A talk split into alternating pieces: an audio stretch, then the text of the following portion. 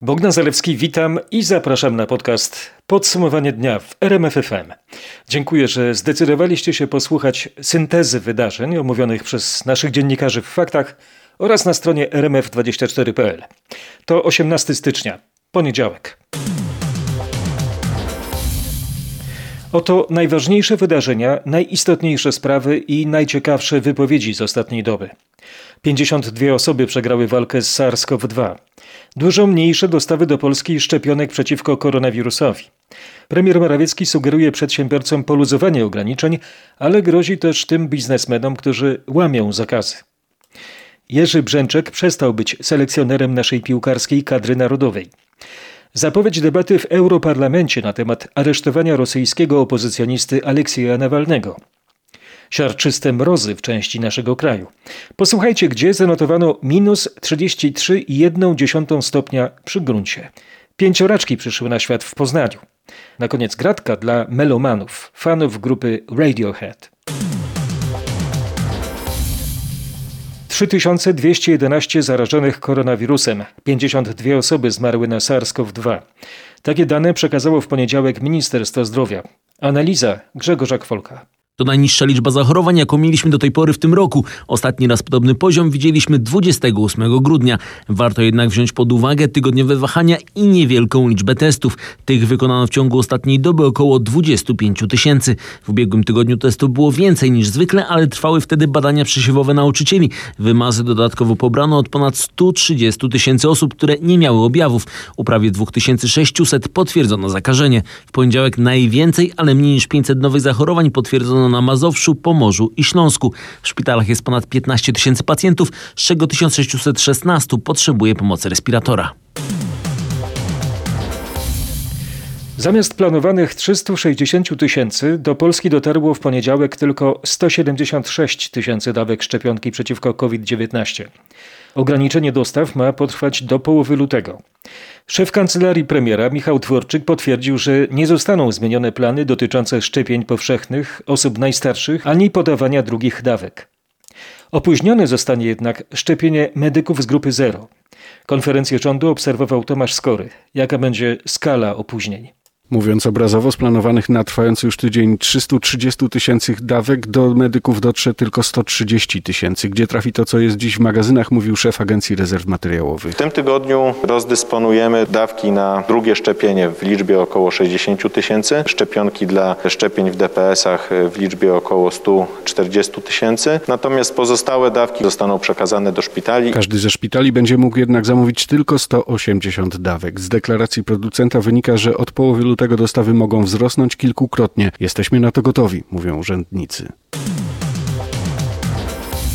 Jeszcze w lutym możliwe jest otwarcie najmocniej dotkniętych kryzysem branż. Taki sygnał wysłał do przedsiębiorców premier Mateusz Morawiecki.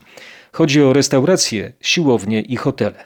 Będziemy starali się we współpracy z przedstawicielami tych branż w najbliższych 10 dniach wypracować protokoły protokoły sanitarne, funkcjonowania w okolicznościach pandemicznych. Myślę, że będziemy chcieli e, te protokoły e, w lutym, ale trudno mi dzisiaj powiedzieć, od którego lutego e, wdrażać w życie. Premier dodał jednak, że tempo otwierania tych branż zależy od liczby zakażeń, tempa szczepień i sytuacji w krajach sąsiednich.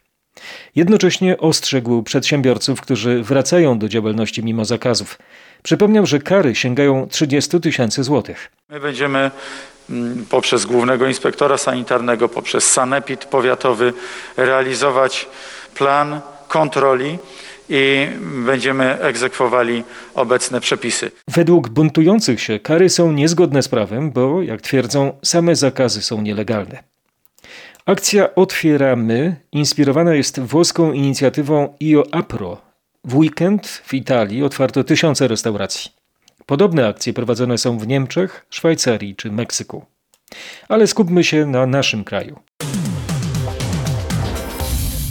Kilkudziesięciu przedsiębiorców z Karpacza na Dolnym Śląsku mimo zakazu otworzyło w poniedziałek swoje biznesy. Nasz reporter Paweł Pyclik odwiedził jeden z hoteli otwartych w reżimie sanitarnym. Kiedy pojawią się pierwsi goście? Mają przyjechać pod koniec tygodnia. O ile zainteresowanie noclegiem od poniedziałku do piątku jest niewielkie, to o weekend pyta dużo osób. Otwieramy się, bo mamy już dość, powiedział mi właściciel hotelu Damian Chrzanowski. Będziemy wynajmować tak, jak goście się zgłoszą. Czyli jeżeli jest to rodzina, to cztery osoby do pięciu osób proszę uprzejmie. Odstęp, dezynfekcja i noszenie maseczek. Pan twierdzi, że w taki sposób nie łamiecie prawa. Nie, w żadnym wypadku nie łamiemy, wręcz przeciwnie, po prostu no, chcemy zacząć z powrotem żyć i zarabiać. Hotelarz Damian Chrzanowski podkreśla, że skończyły mu się już prywatne pieniądze. Zapytany o kontrolę policji i sanepidu oraz ewentualne kary, odpowiada, że jest na nie gotowy.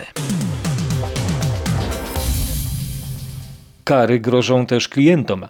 Ci, którzy korzystają z firm otwieranych wbrew przepisom, mogą spodziewać się mandatów, ostrzega inspekcja sanitarna i policja. Krzysztof Brenda wyjaśni, co się kryje za groźbami. Czy klientów obejmuje zakaz korzystania z restauracji i siłowni? Nie, takiego zakazu nie ma. Tu nigdzie nie jest zapisane, że nie możemy iść do restauracji albo kawiarni. Jeżeli jednak pójdziemy i akurat trafimy na kontrolę, to inspektorzy mają dla nas inne paragrafy. Takie jak nakaz noszenia maseczek, zachowanie dystansu. Mówi Jan Bondar z Sanepidu, czyli jeżeli ktoś otworzy wbrew zakazowi klub nocny, to właściciel dostanie nawet 30 tysięcy złotych kary, a klienci mogą dostać na przykład po 500 złotych za brak maseczek albo dystansu. Rząd powinien przestrzegać prawa, a tego nie robi w tej chwili, mówi senator Jacek Bury, który zdecydował się rozstać z Koalicją Obywatelską i reprezentować w Sejmie ruch Szymona Hołowni. W popołudniowej rozmowie w RMFFM senator podkreślał, że popiera przedsiębiorców, którzy wbrew rządowym zakazom otworzyli swoje lokale. Czyli y, namawia pan do tego, żeby przedsiębiorcy szli do sądu? Tak, chociażby. Niech e, walczą o swoje prawa, dlatego że rząd łamie mm, konstytucję, łamie ustawy. Nie można w ten sposób zarządzać e, Polską i doprowadzać ludzi do bankructwa, nie pomagając. Cała rozmowa Marcina Zaborskiego z senatorem Jackiem Burym jest do posłuchania i obejrzenia na rmf24.pl. O bunt przedsiębiorców i jego konsekwencje w porannej rozmowie w RMFFM nasz dziennikarz Robert Masurek pytał szefa kancelarii premiera Michała Dworczyka. To jest bardzo dramatyczna sytuacja, bo te osoby są w bardzo trudnej sytuacji. Zresztą w Polsce nie ma osoby, która by nie była dotknięta konsekwencjami COVID. Ja wierzę, że to będą przypadki jednostkowe, które właśnie są efektem no, pewnej dramatycznej sytuacji poszczególnych przedsiębiorców, ale również wierzę w to, że tą samodyscyplinę, która nas ratowała wielokrotnie, zachowamy jeszcze Dobrze, na ale tym panie etapie wiarą, co czeka tych przedsiębiorców? Bo czy to jest taka walka, że dajemy, że będzie no, bat i marchewka? Z jednej strony dajemy im jakąś pomoc, oni mówią, że za mało, a z drugiej strony grozimy karami? Panie redaktorze, no pomoc y, idąca w dziesiątki czy nawet setki w tej chwili miliardów złotych jest faktem, natomiast ta pomoc oczywiście nie załatwia i nie rozwiązuje wszystkich czy nawet e, większości problemów, z którymi dzisiaj e, muszą mierzyć się przedsiębiorcy i Polacy. Natomiast przestrzeganie zasad jest naszym obowiązkiem nie dlatego, że ktoś ma taki kaprys, tylko dlatego, że musimy powstrzymać trzecią falę COVID. Warto posłuchać całej rozmowy Roberta Mazurka z ministrem Michałem Dworczykiem. Jest na rmf24.pl. Jerzy Brzęczek przestał być selekcjonerem piłkarskiej reprezentacji Polski. PZPN zakończył z nim współpracę. Nasz dziennikarz z redakcji sportowej Paweł Pawłowski przytoczy reakcję futbolowego świadka. Pojawia się najważniejsze pytanie. Dlaczego Brzęczek został zwolniony akurat teraz, na niespełna 10 tygodni przed pierwszym meczem eliminacji Mistrzostw Świata? Mogli podjąć decyzję w czerwcu w tamtym roku i trener miałby w tej chwili trochę czasu, bo miałby teraz cztery mecze, żeby miał rozegrane, miałby mniej więcej pojęcie, jak ustawić kto co, gdzie będzie grał. To opinia byłego prezesa PZPN-u Grzegorza Laty. A kto może zastąpić Jerzego Brzęczka? Wśród typowanych nazwisk pojawia się Marco Giampaolo, włoski trener szwajcarskiego pochodzenia. Ma on zakończyć pracę w Torino FC, tak sugerują włoskie media. Giampaolo to szkoleniowiec ceniony przez Zbigniewa Bońka. Już w zeszłym roku Boniek z uznaniem wypowiadał się o Giampaolo. Jego dorobek trenerski może nie powala, bo Giampaolo pracował tylko we Włoszech, na przykład w Sampdorii, krótko w Milanie i cały czas oficjalnie w Torino, no ale bardzo dobrze zna polskich piłkarzy. Pracował przecież z Bereszyńskim, Linettym, Kownackim czy Piątkiem. Nawet bukmacherzy sugerują, że jest to bardzo prawdopodobna kandydatura, ale o tym, kto zostanie selekcjonerem, wie chyba tylko Zbigniew Boniek. O końcu kariery Jerzego Brzęczka jako selekcjonera piłkarskiej reprezentacji Polski szeroko piszemy na rmf24.pl. Od poniedziałku uczniowie klas 1-3 wrócili do nauki stacjonarnej w szkołach. Taka forma nauczania została z powrotem wprowadzona w 99,6% szkół podstawowych. Dyrektorzy sygnalizują, że nie zawsze da się wprowadzić zasadę jeden nauczyciel, jedna klasa. Jedynym problemem, który mi się jawi, jest e, problem nauczania języka angielskiego w klasach 1-3 i problem prowadzenia zajęć religii. Tego nie prowadzą nauczyciele wychowawcy, są to osoby zewnętrzne, ale jak wyczytaliśmy w rozporządzeniu e, ministra, e, w miarę możliwości będziemy starali się te kontakty ograniczać, choć oczywiście całkowicie z nich nie zrezygnujemy. Będziemy bacznie oczywiście obserwować całą sytuację i reagować zgodnie z tak nakazami Sanepidu i GIS-u. Wydaje mi się, że powolutku wracamy do normalności. Skomentował Marek Wąsik, dyrektor szkoły podstawowej nr 34 w Olsztynie. Wiele polskich firm poszło na żywioł, wprowadzając pracę zdalną. Wysłały ludzi do domów bez pytania, szkolenia, nawet bez sprzętu. Jaka była skala tej improwizacji? O tym Michał Zieliński. To była wielka improwizacja. Milion ludzi skierowano na tak zwany home office z pustymi rękami. Co czwarty pracownik sam musiał zadbać o sprzęt niezbędny do pracy, czyli albo pracować na swoim prywatnym komputerze, albo taki e, komputer e, zakupić. Monika Banaś z firmy Personal Service dodaje, że większą dbałość o pracownika wykazały przy tym małe firmy zatrudniające nie więcej niż 9 pracowników. 70% zatrudnionych w takich firmach dostało komputer od pracodawcy, a wśród zatrudnionych w przedsiębiorstwach mających od 250 do 500 pracowników sprzęt dostała zaledwie połowa ludzi. Szkolenie z bezpieczeństwa danych po wprowadzeniu home office przeprowadziła z kolei tylko co ósma firma, a zdaniem specjalistów ryzyko wycieku danych przy pracy w domu znacząco wzrasta. Dziesiątki pociągów i setki minut opóźnienia. Tak wyglądała w poniedziałek rzeczywistość pasażerów PKP w Warszawie. Z powodu awarii na stołecznych torach wiele składów odjeżdżało i przyjeżdżało z potężnym poślizgiem, nawet do 300 minut. 300 minut to, to rzeczywiście. Widocznie znowu coś nie działa u nas. Może zabrakło im soli, piasku. Pociągi są bardzo poopóźniane i, nieczynna jest informacja. E, tutaj na dworcu pani udziela bardzo skąpych informacji. Nie można usiąść, napić się też herbaty, bo kawiarnia jest e, za, proszę zobaczyć, jak to wygląda, więc ławeczek nie ma. Jest totalny chaos. Ironizowali i żalili się w rozmowach z naszym reporterem pasażerowie czekający na dworcu Warszawa Wschodnia. We Francji rozpętała się burza z powodu obowiązujących od poniedziałku epidemicznych obostrzeń wobec podróżnych przybywających do Francji spoza Unii Europejskiej. Odtąd muszą oni zobowiązać się na honor, że będą się izolować przez co najmniej tydzień.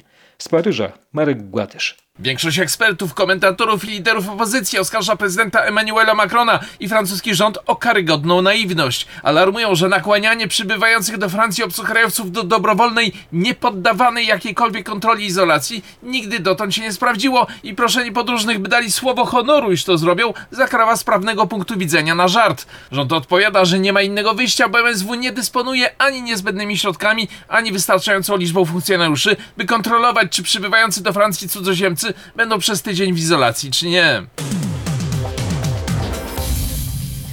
Od poniedziałku do Wielkiej Brytanii wyłącznie z negatywnym testem na koronawirusa. Korespondencja z Londynu. Bogdana Frymorgana. Test nie może być przeprowadzony wcześniej niż 72 godziny przed przekroczeniem granicy, a osoby, które przybędą na wyspy i tak będą musiały się poddać 10-dniowej kwarantannie. Może zostać ona skrócona, jeśli po pięciu dniach otrzymają negatywny wynik testu zrobionego już po przyjeździe. Władze brytyjskie obarczyły też przewoźników obowiązkiem sprawdzania statusu podróżnych przed ich wejściem na pokład samolotów, promów lub pociągów. Jeśli komuś uda się ominąć ten przepis, ryzykuje karą grzywny w wysokości 500 funtów. Nie bójcie się, wyjdźcie na ulicę. Nie dla mnie, ale dla siebie i swojej przyszłości. Mówił Aleksiej Nawalny po decyzji sądu w Moskwie o zatrzymaniu go w areszcie na 30 dni. Rosyjski opozycjonista został w niedzielę zatrzymany po wylądowaniu w stolicy Rosji. Wracał z Niemiec, gdzie leczył się po próbie otrucia nowiczokiem. Paweł Balinowski o kulisach aresztowania Nawalnego. Wnioskowała o to rosyjska Federalna Służba Więzienna, która chce zmiany wyroku wydanego wobec Nawalnego 6 lat temu. Został wtedy skazany za rzekomą defraudację na 3,5 roku więzienia w zawieszeniu. Służba więzienna żąda odesłania go jednak do kolonii karnej. Opozycjonista ma spędzić 30 dni w areszcie w oczekiwaniu na proces i rozstrzygnięcie wniosku rosyjskich służb. Chcę, żeby ten proces był jak najbardziej otwarty, tak by wszystkie media mogły obserwować ten zadziwiający absurd, do którego tutaj dochodzi. Mówił Nawalny podczas rozprawy aresztowej. Opozycjonista, który ostro krytykował Kreml i ujawniał przypadki korupcji rosyjskiej władzy, wezwał zwolenników do protestów na ulicach. We wtorek w Europarlamencie odbędzie się debata w sprawie aresztowania rosyjskiego opozycjonisty. Jak donosi nasza dziennikarka Katarzyna Szymańska-Borginą, ten punkt dotyczący losu Aleksieja Nawalnego został wprowadzony do porządku obrad w trybie nadzwyczajnym. Z inicjatywą zorganizowania w Parlamencie Europejskim debaty i uchwalenia rezolucji wystąpili chadecy z Europejskiej Partii Ludowej. Debata będzie pierwszym punktem jutrzejszego popołudniowego posiedzenia eurodeputowanych.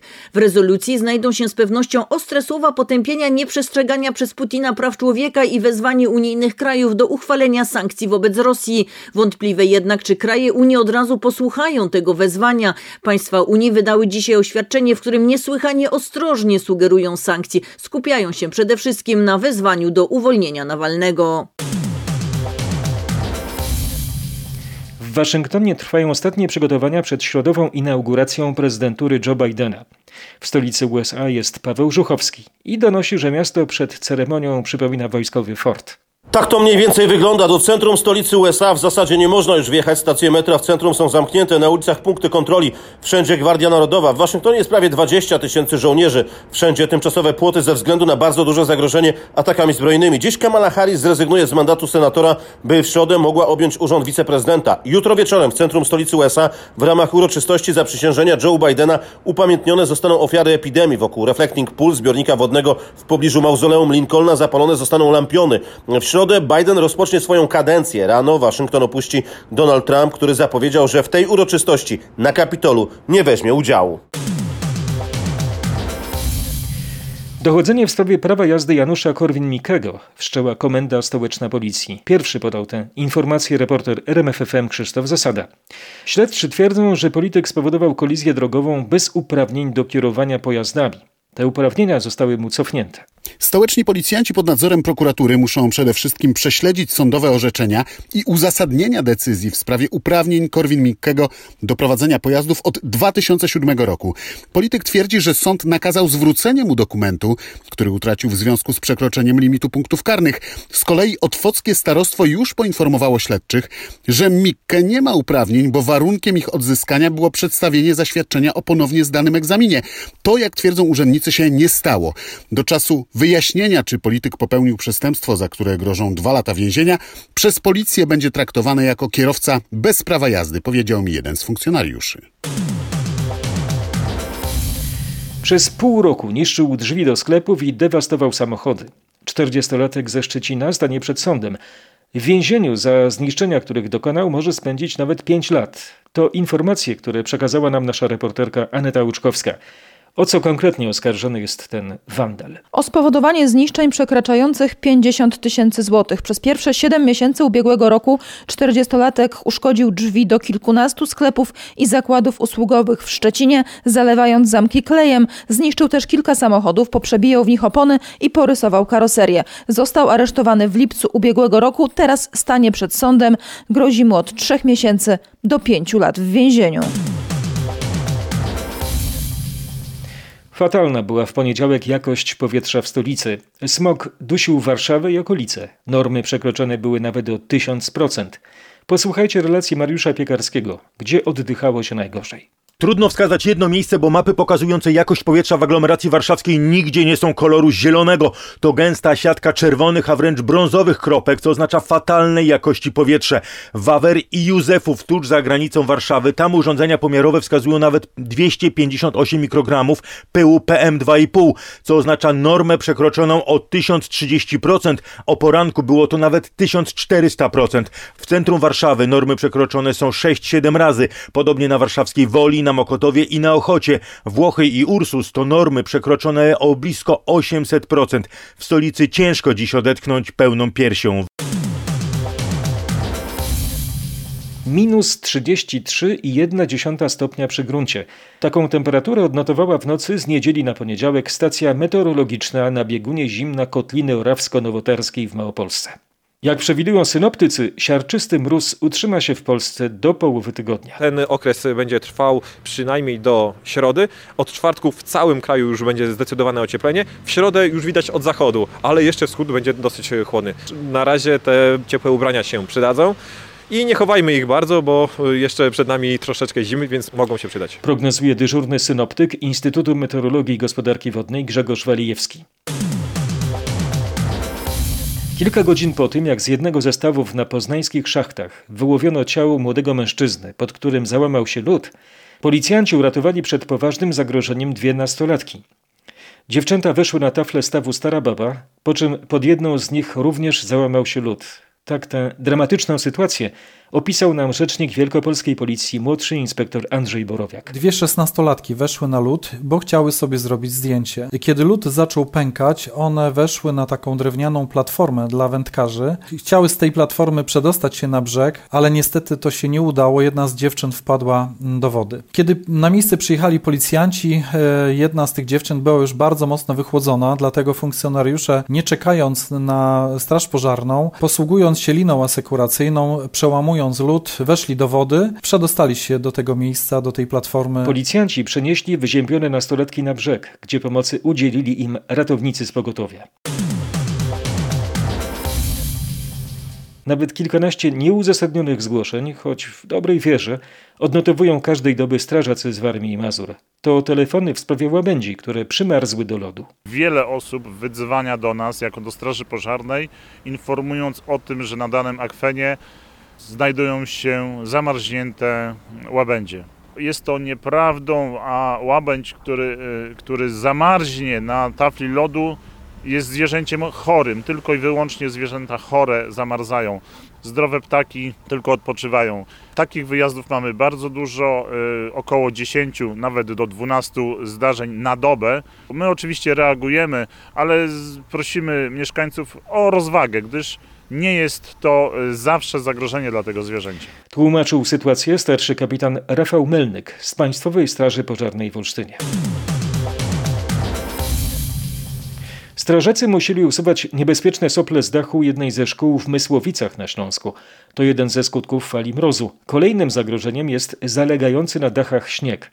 Z Wojciechem Hojnowskim ze Straży Pożarnej w Mysłowicach rozmawiał Marcin Buczek. Co z odśnieżaniem dachu? Powinniśmy o tym pamiętać? Tak, zwłaszcza szczególnie w okolicach, jeżeli gdzieś przebiega jakiś chodnik, wejście, dojście do budynku. Taki nawis śnieżny, puch około 200 kg będzie ważył, ale już taki przemarznięty, roztopiony, podtopiony, no to już będzie bardzo dużo ważył i z takiej wysokości, jak będzie spadał, może zrobić poważną krzywdę dla człowieka. Sprawa wielkiej wagi. Nie lekceważmy tego zimowego zagrożenia. Wejdź do gry, wciel się w postać reportera i znajdź informacje na temat sławnych łodzian. Tak Biblioteka Miejska w Łodzi zachęca do sprawdzenia się w grze miejskiej. Przed osobami, które podejmą reporterskie wyzwanie, czeka 21 lokalizacji, które należy jak najszybciej odwiedzić. A na jakich bohaterów będzie można się natknąć? O niezwykłych postaciach opowie nam Sławomir Macias z Wydziału Kultury Urzędu Miasta Łodzi. Chociażby Jacek Trzmiel, który był twórcą firmy Commodore i potem właścicielem Atari, czyli podstawy komputerów osobistych, jak chociażby Bernard Lichtenstein, który był niezwykłym krawcem i potem w Stanach Zjednoczonych szył ciuchy dla, uwaga, kowbojów, którzy jeździli gdzieś tam na rodeo. To on wymyślił te takie napy, takie zapineczki zamiast guzików, żeby koszula zahaczona rogiem bawołu w trakcie rodeo się rozrywała nie na strzępy, tylko po prostu rozpinała, a potem założył jedną z najważniejszych firm na świecie związanych z ciuchami, czyli firmę Wrangler. Gra jest dostępna za pośrednictwem bezpłatnej aplikacji Tropiciel. Na najlepszych czekają nagrody, a rozgrywka potrwa do kwietnia.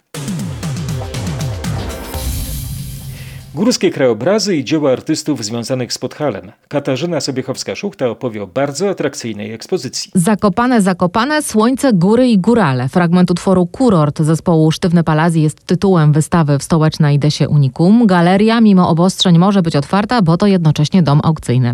Tym razem bezpłatnie pokazuje ponad 80 obiektów, malarstwo, rzeźbę, grafikę, tkaninę i rzemiosło, wymienia kuratorka Julia Materna. Jedną z najciekawszych prac prezentowanych na wystawie jest dzieło Rafała Malczewskiego zatytułowane Zima. Prezentujemy również e, portrety kobiece Witkacego, który stanowił swoistą legendę. Był chyba najbardziej lubianym portrecistą warszawskiej i zakopiańskiej śmietanki towarzyskiej. Są też prace Zofii Stryjeńskiej czy Juliana Fałata. Wystawa będzie czynna do 28 stycznia.